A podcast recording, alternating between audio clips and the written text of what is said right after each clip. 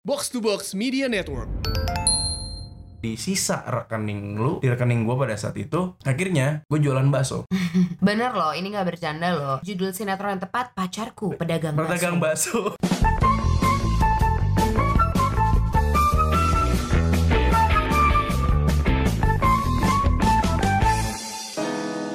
Assalamualaikum warahmatullahi wabarakatuh. Waalaikumsalam warahmatullahi wabarakatuh Hai. Hai Hari ini dong, daster aku bukan daster pretty dari Majestic lagi, tapi hari ini aku pakai daster dari Jogja. tapi tetap daster. Hari ini dong gue sudah tidak ada tulisan manjada Manjada wajada, tapi nothing lasts forever. Bodoh. Sama aja, ya Allah udah deh gue capek jawabin orang-orang. Sudah ditulinginnya ya bagus ya Oh iya iya iya, ntar ntar dia jualan ntar lagi. Lo PO dari sekarang aja Waktunya ya. belum ada buat jualan Nanti nanti nanti Iya, oke. Jadi yang selanjutnya akan kita bahas adalah, wow ini berarti ke berapa tahun lalu ya? 6 tahun lalu. 6 tahun yang lalu Ini kita ngomongin apa sih? Quarter life crisis. Wah sedap Ini Kenapa gue bilang 6 tahun ya? Karena menurut gue quarter life crisis tuh ketika umur 25 25 Iya. Ini buat orang-orang yang umurannya tapi nggak terpaku dengan umur 25 aja Kalau Hmm. ngelihat range-nya sih biasanya 20 sampai 25 tahun Jadi buat Iya, iya. lu yang nonton maupun yang dengerin di podcast Hmm. Kalau lu berada di kisaran begitu Coba lu nge-reflect Apakah quarter life crisis itu sudah kejadian di diri lu atau belum? Rasa gue nih, Mbak, Hmm. banyak banget soalnya yang DM tuh bener-bener pas kan mereka suka suka inisiatif nyebutin umur gitu ya. ya. Itu beneran mereka yang lagi di fase itu kayak fase quarter life crisis adalah yang curhatnya tuh suka lucu gitu Mhm. ya kayak pas lu nonton terus ternyata pertanyaan lo ya maaf maaf gue gak akan pernah nyebutin nama Ya, ya tapi Cuman sebut saja dia mawar. Iya serah lah mawar kayak tulip bunga bangke juga serah pokoknya Banyak kebun bunga Iya, disebutin jadi lucu gitu. Pertanyaan tuh kadang suka yang kan udah tahu jawabannya, tinggalin lah Hmm. gitu. Cuman ketika lo di quarter life crisis, kadang tuh lo tuh suka even lah jawaban yang apa nih? Maksudnya? enggak, yang gini loh, yang pertanyaan gini, misalnya kayak kak, gue udah sayang banget sama dia. Hmm. Oh, tapi atau enggak gini, gue punya mantan udah putus tapi Hmm. dia masih ngubungin gue. Hmm, hmm. Terus abis itu gimana ya cara move on? Lah, kan Ya. udah putus Ya. gitu kan. Terus abis itu masih chatting tiap hari gitu kan. Bagaimana mau move on dah? Nah makanya gitu tuh tuh kan jawaban-jawaban ketika apa quarter life crisis. Kalau sekarang di umur gue sama Ya. eh, Baba gitu ya kalau tuh ya mungkin menuju kepada waktu itu umur kita mau nikah tuh kita tuh umur kita tuh nikah umur 27 ya kan. Walaupun sebenarnya quarter life crisis itu nggak melulu soal cinta, banyak Enggak. banget lebih ke hidup secara general sih. Gue secara- tuh mau ke mana? Iya, iya. Gue mau jadi apa? Karena, karena quarter life crisis itu adalah momen di mana lu mempertanyakan eksistensi lu di dunia sih. Iya, kayak Lu, lu gua ngapain sih di sini gitu. Oh, iya. Banyak terutama terutama untuk yang di usia 25 terus kayak ketinggalan karirnya sama temen-temennya Ada yang kayak gitu. yang kayak misalnya either lo tuh telat lulus kuliahnya jadi telat colong start untuk kerja Hmm, hmm. atau misalnya momen yang apalagi yang quarter life crisis ya momen yang kayak ada aja tuh kayak udah umur segitu misalnya umur 20 25 ternyata orang tua yang mau cerai Iya, iya, iya. itu kan Iya. hal-hal yang harusnya nggak terjadi fase gitu fase yang emang masalah tuh kayaknya nggak kelar-kelar dalam hidup lu Itu. kayaknya itu itu kantem Terus? lagi kantem lagi kantem sampai lu ngerasa wah gue capek banget nih Iya, masalah ini iya, nggak iya. selesai-selesai bener apa karena aku banyak dosa kali ya gitu Bener Atau apa ya Kayak masalah jati diri juga Ya. Itu jati diri kan lebih gitu ya Kayak Oh kalau percintaan ya Kayak Lo udah tahu pacar lo nggak banget Tapi Mhm. lo masih harus jalanin Terus lo Hmm. nggak bisa keluar Gitu-gitu Betul. tuh masalah Iya, yang iya, kayak iya. terperangkap Aku juga waktu itu ngalamin momen itu Pas aku umur 25 24 Iya 20 sampai 25 Iya, lah tapi masalah gitu. cinta yang terjadian ya? Percintaan Kalau aku percintaan Karena kalau karir Alhamdulillah Kan kalau hidup orang gitu iya iya Cinta bener Karir, ada Karir. aja nggak bener Iya, Karir iya. bener Cinta enggak Atau ada, ada karir sama cinta nggak bener dua-duanya Ah, ada yang bener tapi masalah orang tua atau masalah Oh, di iya, iya, rumah. iya. Pokoknya ada deh umur-umur yang emang ngajarin kita tuh untuk jauh lebih dewasa. betul Momen yang berat banget padahal kalau sekarang kita lihat misalnya nanti Hmm. nanti deh kalau misalnya lo udah umur 30 gitu kayak lo lihat umur lo yang 25 sama Hmm.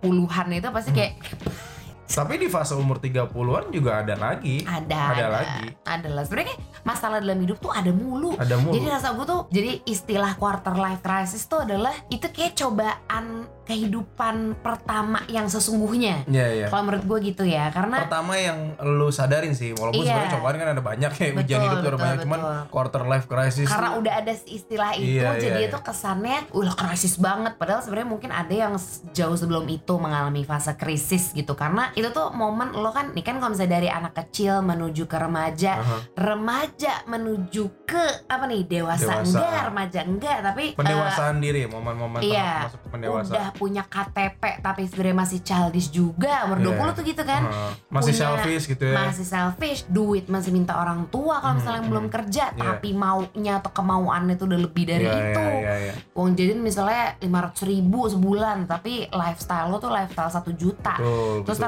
Lo kayak lihat temen-temen lo pada bisa ini bisa itu karena mungkin mereka duluan kerja atau mereka uang jajan lebih banyak galau deh Hmm. Iya, gitu ayo we nu digalauin Cuman teh biasanya quarter life crisis tuh kalau menurut aku ya based on pengalaman aku sebelumnya Hmm. ketika mengalami ya aku menyebutnya ini quarter life crisis karena aku ingat banget itu aku ngerasa itu adalah momen cobaan atau momen ujian dalam hidup yang terberat yang aku pernah aku alami dibanding yang sebelum-sebelumnya ya. sekarang kita cerita nih kita cerita soal eh, kalau misalnya lo, lo nanya gitu ya. Terus momen quarter life crisis lo kapan sih? Dari gue dulu karena gue ringan. Maksudnya dibanding baba gue ringan gitu. Itu tuh usia gue 20-an lah ya. Waktu Iya, iya, gue iya. Kalau gue ngerasa quarter life crisisnya adalah percintaan kalau gue Hmm. gitu kayak ngerasa wah kayak paling hancur sedunia paling yang mana kayak nih percintaan yang mana nih? yang waktu gue ceritain di toxic relationship Oh, yang gitu itu tuh pas lagi quarter life crisis itu pas banget quarter. tuh iya tuh Eh sebentar ibu, ini itu quarter life crisis atau emang lagi mendrama aja hidupnya? Iya drama karena menurutku Oh. quarter life crisis tuh momen kita terdrama dalam hidup aja maksudnya drama tuh Iya, ada iya. yang bisa dibawa maksudnya drama ada yang kita keep untuk diri kita sendiri Iya, iya, iya. tapi kita ngerasa oh ini terdrama gue deh ini Hmm. kayaknya itu tuh Hmm. karena setelah kayak aku run- renet runtutin gitu ya kayak oh ini nih kayaknya nih terdrama dalam hidup gue dramanya kenapa udah tahu lah harusnya bisa udahan tapi Hmm. enggak Hmm. karena takut terus kayak wah banyak bimbangnya gitu lah banyak Iya. momen tergalau gitu kayak kalau sekarang kan mungkin kalau ngadepin masalah oh udah oh ya udah Iya. selesai Mhm. oke solusi solusi udah udah ya Iya, gitu kalau dulu tuh nggak bisa tuh gitu kayak udah tahu enggak maksudnya nggak nggak usah tapi masih dijalanin ina itu ina itu Ini yang bohong, banyak, ina itu, ini gitu. banyak yang dialamin sama teman-teman ya, iya sama yang em, dengerin di podcast yang Mm-mm. sudah banyak curhat DM ke kamu ya. asli dan yang Fasenya lagi banyak Iya, di dan situ. fasenya maaf ini gua nggak nggak nyebut sekali lagi Iya. ya, tapi banyak banget. Ini gue bisa bilang lebih dari 10 orang lebih deh kayaknya. Waduh, ini Banyak orang gue tuh udah nggak kayak 8 dari 10 perempuan di enggak, Indonesia. ini nggak kayak survei softtek ya.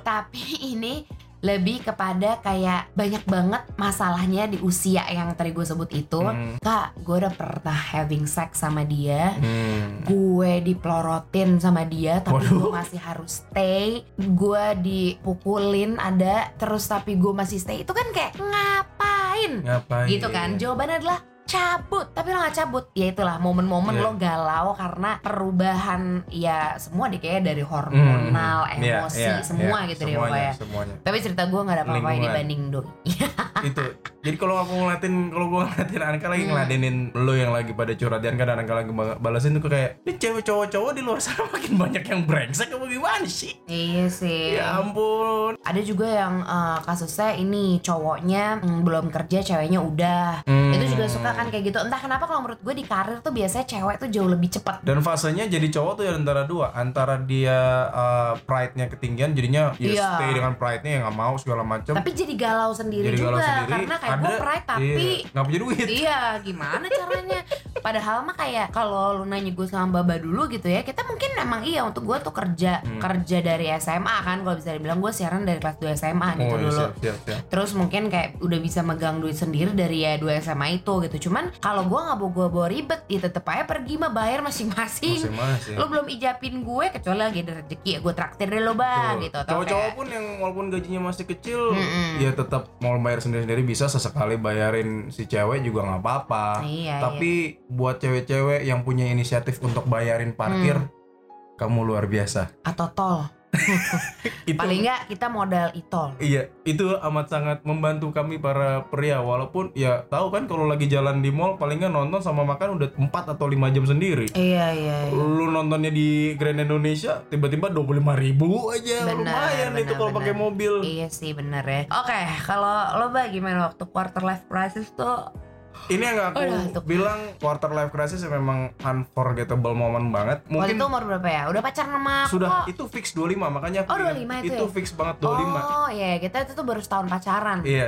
Ini mungkin pengalaman yang gue ceritain nggak seberat lo yang mungkin ngerasa lebih berat dari gue. Hmm. Cuman setidaknya ini gue sharing buat temen-temen yang belum pernah atau yang sedang berada di fase tersebut atau mungkin sudah pernah ngelewatin Hmm. gitu. Ini momen gue cuman cerita apa yang gue alamin sehingga ini menjadi titik baliknya seorang Esa Mahendra pada saat itu sedap. Jadi momen di usia umur gue 25 itu tuh momen yang emang idealisnya memang lagi sangat tinggi. Momen udah ngerasa bisa nyari duit, momen udah ngerasa nggak nggak repotin orang lain. Hmm. Gua aku waktu itu masih di Trax tuh, Trax FM. Ya kita itu kan di Trax FM Trax berdua FM, kan ketemunya gitu. Um, Dia bilang lah mau resign. Cenah. gue resign waktu itu Mau karena apa? Mau resign. Gara-gara mau apa?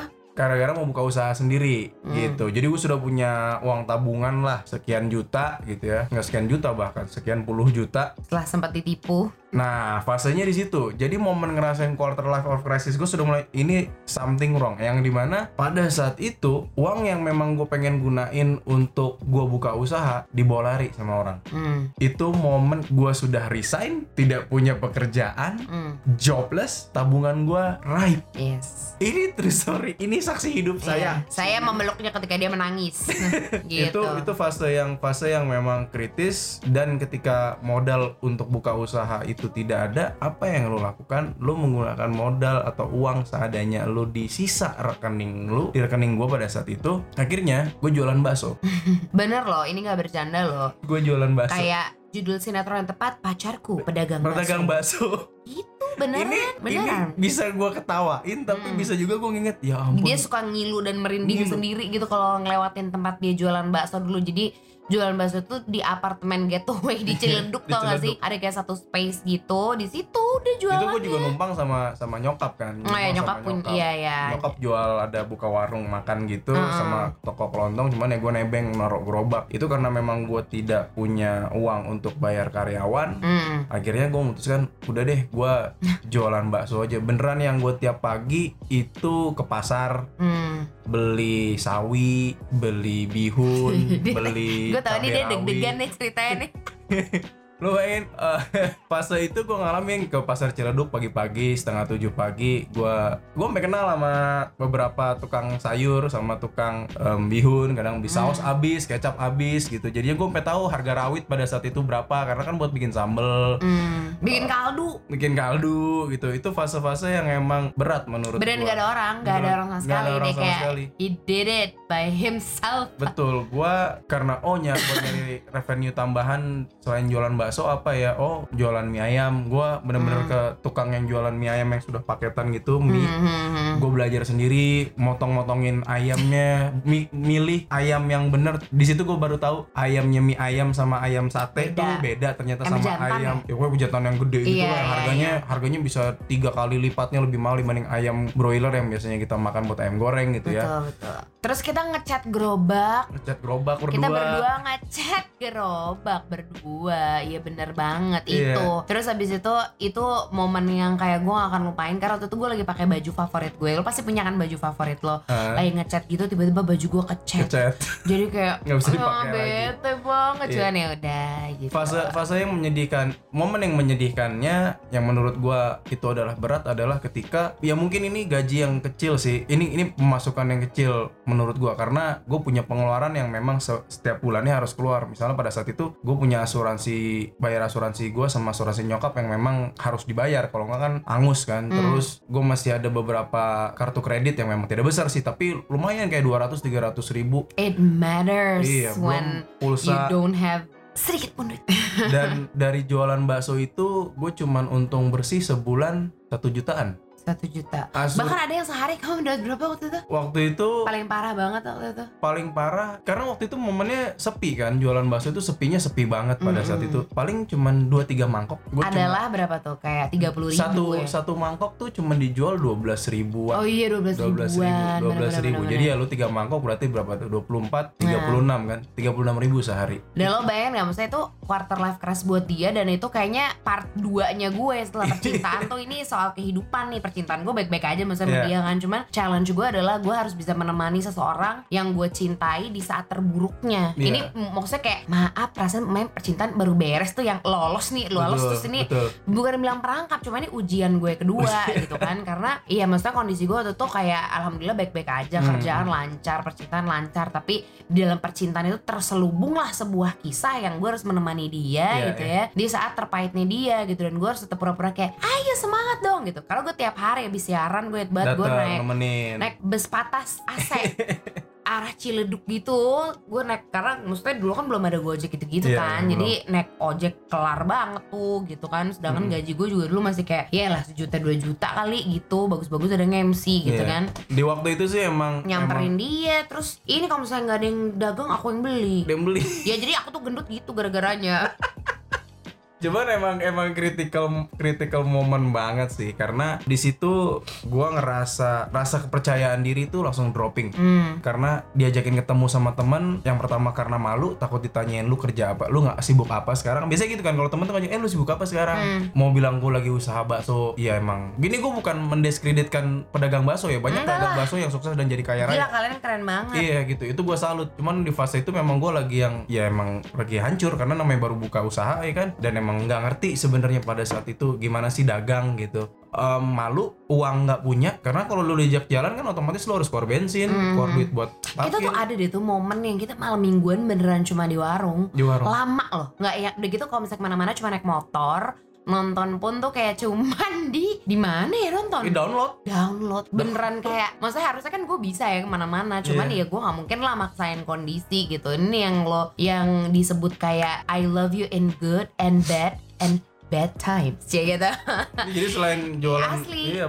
Ya waktu itu aku selain jualan bakso ban- gas bantuin ng- nganter-nganter gas. sama galon mohon maaf kita berdua Berdua nganterin ke kamar-kamar kamar-kamar di, ap- apartemen di apartemen. di Bukan apartemen malah itu tsunami sebenarnya sih Iya jatuhnya kan. gitu. apartemen subsidi gitu jadi gua nganterin gas yang gas yang melon tuh ke orang kadang Hmm. orang suka komplain ini gasnya macet gua harus turun lagi nuker Cian deh jadi sam gua kerja tuh dari sore lah jam 3 sampai jam 12 malam. Bahkan kadang suka nyampe rumah tuh baru jam satu malam. Eh, begitu terus sampai 6 bulan lebih. Iya iya iya, tapi itu juga maksudnya sebuah pelajaran gitu Iya, kan, iya. kayak sebuah pelajaran karena ya sebelumnya pasti kita juga ada ada kayak semacam mungkin kesalahan dalam diri atau Betul. apa, jadi kayak Allah mencoba mengajarkan kita melalui itu dan pas kita kayak pas Baba akhirnya yang waktu itu yang kan manggilnya kan Hmm. yang aku diterima dia. Waktu itu S hardware Desa ya hardware sempet nyasar dulu gua ke sempet retail. nyasar dulu ke retail Karena gitu waktu itu di ya- kantor ya pusatnya gitu tuh rasanya Apa tuh aja kayak yang penting- finally gitu. Karena apa aja yang penting ini ya lu kerja deh kerja dulu Iya, dapat iya, uang iya. yang emang ya lu bayangin sejuta sebulan palingnya gua nggak sejuta sebulan nih karena pengeluarannya lebih kan? Betul betul. Yang itu momen yang emang emang sadis menurut gue yang Pahit, bener pahit, pahit banget beneran digebugin tapi Nah. di situ itu itu itu pentingnya ketika ini bukan buruk sebenarnya. Hmm. kalau lu ngelihatnya dari spe- perspektif yang jelek Esa yang tukang bakso pada saat itu gitu ya. Hmm. Esa yang dagang mie ayam, Esa yang tukang ngangkat galon, tukang ngangkat gas, iya akan jadi buruk. Tapi Hmm. ketika kalau lu ngubah perspektif lu ke arah yang lebih lu menjadi sosok yang memang harus untuk introspeksi ketika lu lagi berada di lowest point lu. Misalnya kayak ini kita langsung ambil contohnya Mbak ya gitu Kayak maaf maaf nih Doi kan emang mukanya sengak banget Orang tuh tahu dia tuh sebagai orang yang sombong dari dulu Karena kalau pertama tuh pasti kayak mukanya tuh sengak deh Iya, Orang tuh tahu dia tuh Esa oh si si Si songong, si si, songong si aja gitu Dan mungkin dia Padahal, juga di padahal gue gak ngapa-ngapain gitu Iya misalnya. iya iya Tapi kan Tapi- dia suka nyeletuk-nyeletuk atau apa Nyeletuk-nyeletuk. mungkin ada orang yang bilang dia sombong lah intinya Hmm. gitu cuma dari pelajaran hidup enam bulan yang waktu itu di quarter life crisis Hmm. dia dia jadi belajar banyak sih mudah-mudahan gitu ya dan Jadi, ke depannya jadi banyak belajar banyak kayak juga lo ternyata. mau sombong nih gue jadi lo tukang bakso cerah Ya. Allah ya gitu udah kun fayakun ya mau apa gitu Iya. kan. Terus gue udah keburu iya aku mau jadi pacar kamu. Ya udah gue terima juga. ada momen yang pede aku makin drop adalah ketika ayah mod dateng. Oh iya, tapi Ngeliat. tapi enggak, tapi orang tua aku suportif sekali sama Betul, cuman lu lu bayangin gak kalau iya, orang tua pacar lu ngelihat lu dalam dengan kondisi Iya. lu tidak lagi dalam performa yang bagus, which is lu Benar. lagi lu bayangin gue lagi ngiris-ngiris daun seledri, Heeh. terus orang tuanya Anka datang, gue kayak gue harus, Kayak- gua harus ngapain, gue harus ngapain? Iya, tapi I have, I have the best parent in the world Iya, versi aku karena mertua support Eh, gitu iya ya. gitu karena maksudnya aku anak tunggal misalnya ya gue anak tunggal terus habis itu orang tua gue pasti berharap lebih dong gitu kayak Hmm. punya ya Allah pacarnya si teteh eh, gue udah panggilnya teteh pacar si Hmm. teteh tukang bakso tapi mereka nggak ngenye sama sekali gitu Hmm. kayak untungnya karena mereka juga maksudnya mereka adalah orang-orang yang dari nol juga kerjanya dulu waktu muda jadi mereka sangat menghargai usaha apa pun ngapain aja nggak apa-apa yang penting halal gitu Iya. Cena jadi kalau sekarang lo lagi dalam kondisi yang aduh gue lagi terpuruk banget nih misalnya gue kerja jadi OB atau misalnya gue jadi cuman jadi kasir atau gue cuma jadi yang nungguin toko Ya, ya. atau apa you name it lah pekerjaan yang menurut lo kayak kok cuma gini Lo doang cuma gini ya doang. It's just in your mind. Kalian tuh berharga, kalian tuh punya sesuatu dalam diri dan kenapa kalian diposisikan di situ. Betul. Dan kalian tuh jangan lihat yang kayak cuman yang kenapa gue cuma jadi OB, kenapa gue cuma jadi kasir, kenapa gue cuma jadi penjaga toko. Iya. Tapi kayak coba look at the other side gitu. Kalau lo bisa melihat hal yang positif, hal yang kayak oh mungkin gue jadi penjaga toko biar gue bisa belajar nih Iya. sistemnya kayak gini apa nanti mungkin ke depannya gue jadi bos yang Tapi- punya toko. Tapi kalau kamu ngomong begitu Hmm. agak berat sebenarnya Oh, karena ketika orang yang sedang mengalami fase ya kayak aku gitu quarter life of crisisnya krisisnya bener krisis moneter Nah itu terus akhirnya kamu dibilang. gimana bisa bangkitnya? itu fasenya lama karena Oh. karena fase fase itu tuh nggak bisa kita langsung introspeksi ya Hmm. nggak bisa kita langsung reflect ke ke dalam hati ke dalam pikiran kita apa yang salah kita tuh awal tuh pasti akan blaming ini bukan salah gue Hmm, gitu lo Pas- jadi jauh dari Tuhan juga tuh Betul. biasanya kayak gitu kayak kenapa lu, sih? lu lu jauh lu jauh dari sang pencipta lu Hmm. lu jauh dari society lu karena itu tadi karena minder segala macem otomatis lu juga krisis kepercayaan diri yang efeknya juga lu bisa nyalain orang sekeliling lu kayak sekeliling gue nih nggak bener aja sekeliling Iya, iya. gue tuh nggak beres aja gue tuh sampai pernah di gue tuh di, di momen itu ya di quarter life crisis like every single day aku tuh ngecekin rekening Hmm. berdoa semoga ada orang yang salah transfer sampai segitunya depresi. depresi depresi setiap Depresi orang beda-beda ya. Betul. bilang kayak mungkin depresi baba kayak gitu gitu. gue setiap setiap hari tuh gue ngunci kamar gue nangis karena Hmm. kayak sampai segininya sih diginiin gitu loh. Hmm, hmm, hmm, hmm. itu emang emang belum fasenya kita nerima ya? Nerima. Iya dan maksudnya kayak "Lo terus lu depresi gak kan sebagai pacar? Gue depresi tapi diem. Diem gue kalau depan dia kayak bah gimana hari ini? Iya iya. Ada yang beli nggak? Gitu. Aku mau dong aku pesen dong. Padahal kayak pas pulang ke rumah capek banget gitu. itu ketika Anka Iya. ketika gini ketika ini juga jadi tes buatnya An- Anka juga kan pada buat kamu juga. Hmm. padahal nih kalau kita ngeliat ya kalau cewek-cewek yang emang mindsetnya materi Hmm. bisa aja ninggalin. Hmm, hmm. Malam minggu nggak bisa Iya. mau nonton aja berat harus download Hmm. download ilegal lagi Uh-uh. jangan ditiru nih Yang subtitle Cina. yang subtitlenya ditranslate sama ini akad pen akad suki atau enggak lebah ganteng kalau yang tahu nih. Bodoh amat. ditranslate oleh lebah ganteng atau pen akad suki. Indo XX1. iya. Dia bisa tinggalin. Nah, mungkin ada yang pernah ngalamin ditinggalin dia fasenya di situ. Salah nggak cewek ninggalin? Nggak salah. Hmm. karena memang kondisi itu berat. Cuman di titik itu gua sadar ketika Anka stay itu adalah salah satu penilaian gua untuk akhirnya gua mau menikahi dia. Hmm. gitu gue memberikan she's the one she's the chosen one dan gue memberanikan diri untuk melamar dia yang lu bisa lihat lah di video yang di untold story itu Hmm. itu titiknya eh, titik penilaian akhirnya di situ Hmm. gue ngerasa ya udah dia yang memang udah buat gue karena Angga pernah ngerasain gue ketika gue lagi banyak uang ya waktu itu ya Hmm. ada momen yang banyak uang yang gue ngerasa eh, mau beli apa aja gampang ada momen yang gue kayak beli apa aja susah kayak ada momennya gue ngeliat gila gila gila dapat 50 juta gitu. Gitu. terus ada momennya kayak "Ah, apa belasan ribu, Belasan ribu. gitu tapi gue ngumpulin harus koin ngumpulin seribuan iya, lecek iya, gitu iya, gitu sih tapi ya itu berat Iya. sekali cuman lagi-lagi kayak gue gue tuh ini sih maksudnya kayak kalau terus gimana kak ini jawabannya belum ada Hmm. gimana cara Hmm. move on dari quarter life crisis how to get a better life Hmm. aca ucu tahu kunci apa ya? bersyukur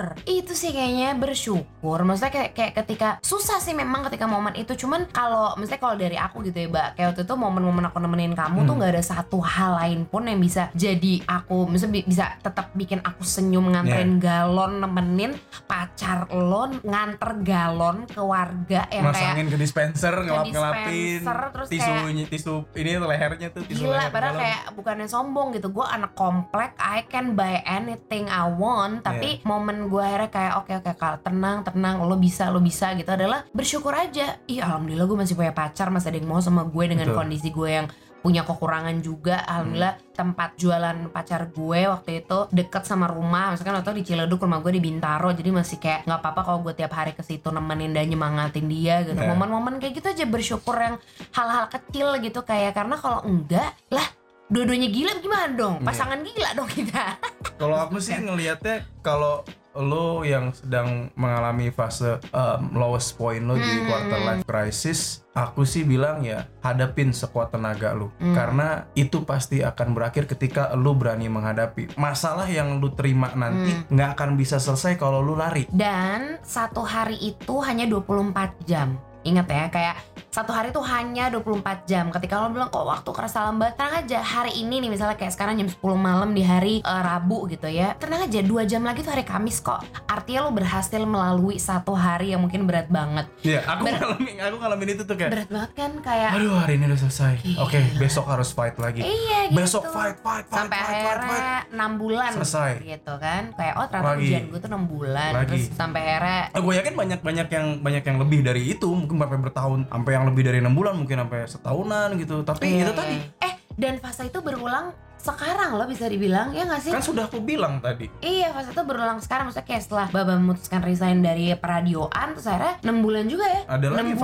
fasenya. lah 6 bulanan lah maksudnya eh, makanya aku tadi kayak- bilang Benar, umur 25 benar, benar, umur. 3 bulan ntar kejadian lagi ada lagi nih. mungkin tapi Mung- mungkin nggak tahu nggak harus nggak 30 tahu. betul cuman bisa aja tuh kejadian bisa juga tidak tapi kalau misalnya quarter life crisis sih mostly Mm-mm. kejadian sama semua orang tapi kalau misalnya dengan sektor yang berbeda Iya, ya dengan versinya masing-masing Iya, itu iya. tadi ada masalah percintaan, ada Hmm. masalah keuangan, ada masalah keluarga, keluarga gitu macam ada masalah karir, macam-macam. intinya tuh bukan cuma lo kok yang ngalamin semua itu ngalamin karena Hmm. memang lo di fase usia yang berubah berubah Hmm. maksudnya berubah secara ya mentally gitu Hmm. luar dalam gitu lahir batin gitu jadi lo emang harus bisa menerima ini Betul. sebagai fase hidup lo aja sih Ya, dan gitu. jalan keluar itu akan ada kalau lu mau untuk mencari jalan keluar tersebut dan Iya. mau ngadepin masalah jangan itu. kayak cowok pasrah gitu sih Iya, kalau lu pasrah lu cuma nerima dan akhirnya lu jadi pundung, Mm-mm. itu masalah nggak akan nggak akan selesai, itu masalah akan terus bertambah. dan bahkan mungkin lo bisa jalan di tempat Hmm. gitu sih jadi ya momen kayak terus gimana kak ketika misalnya sekarang ada another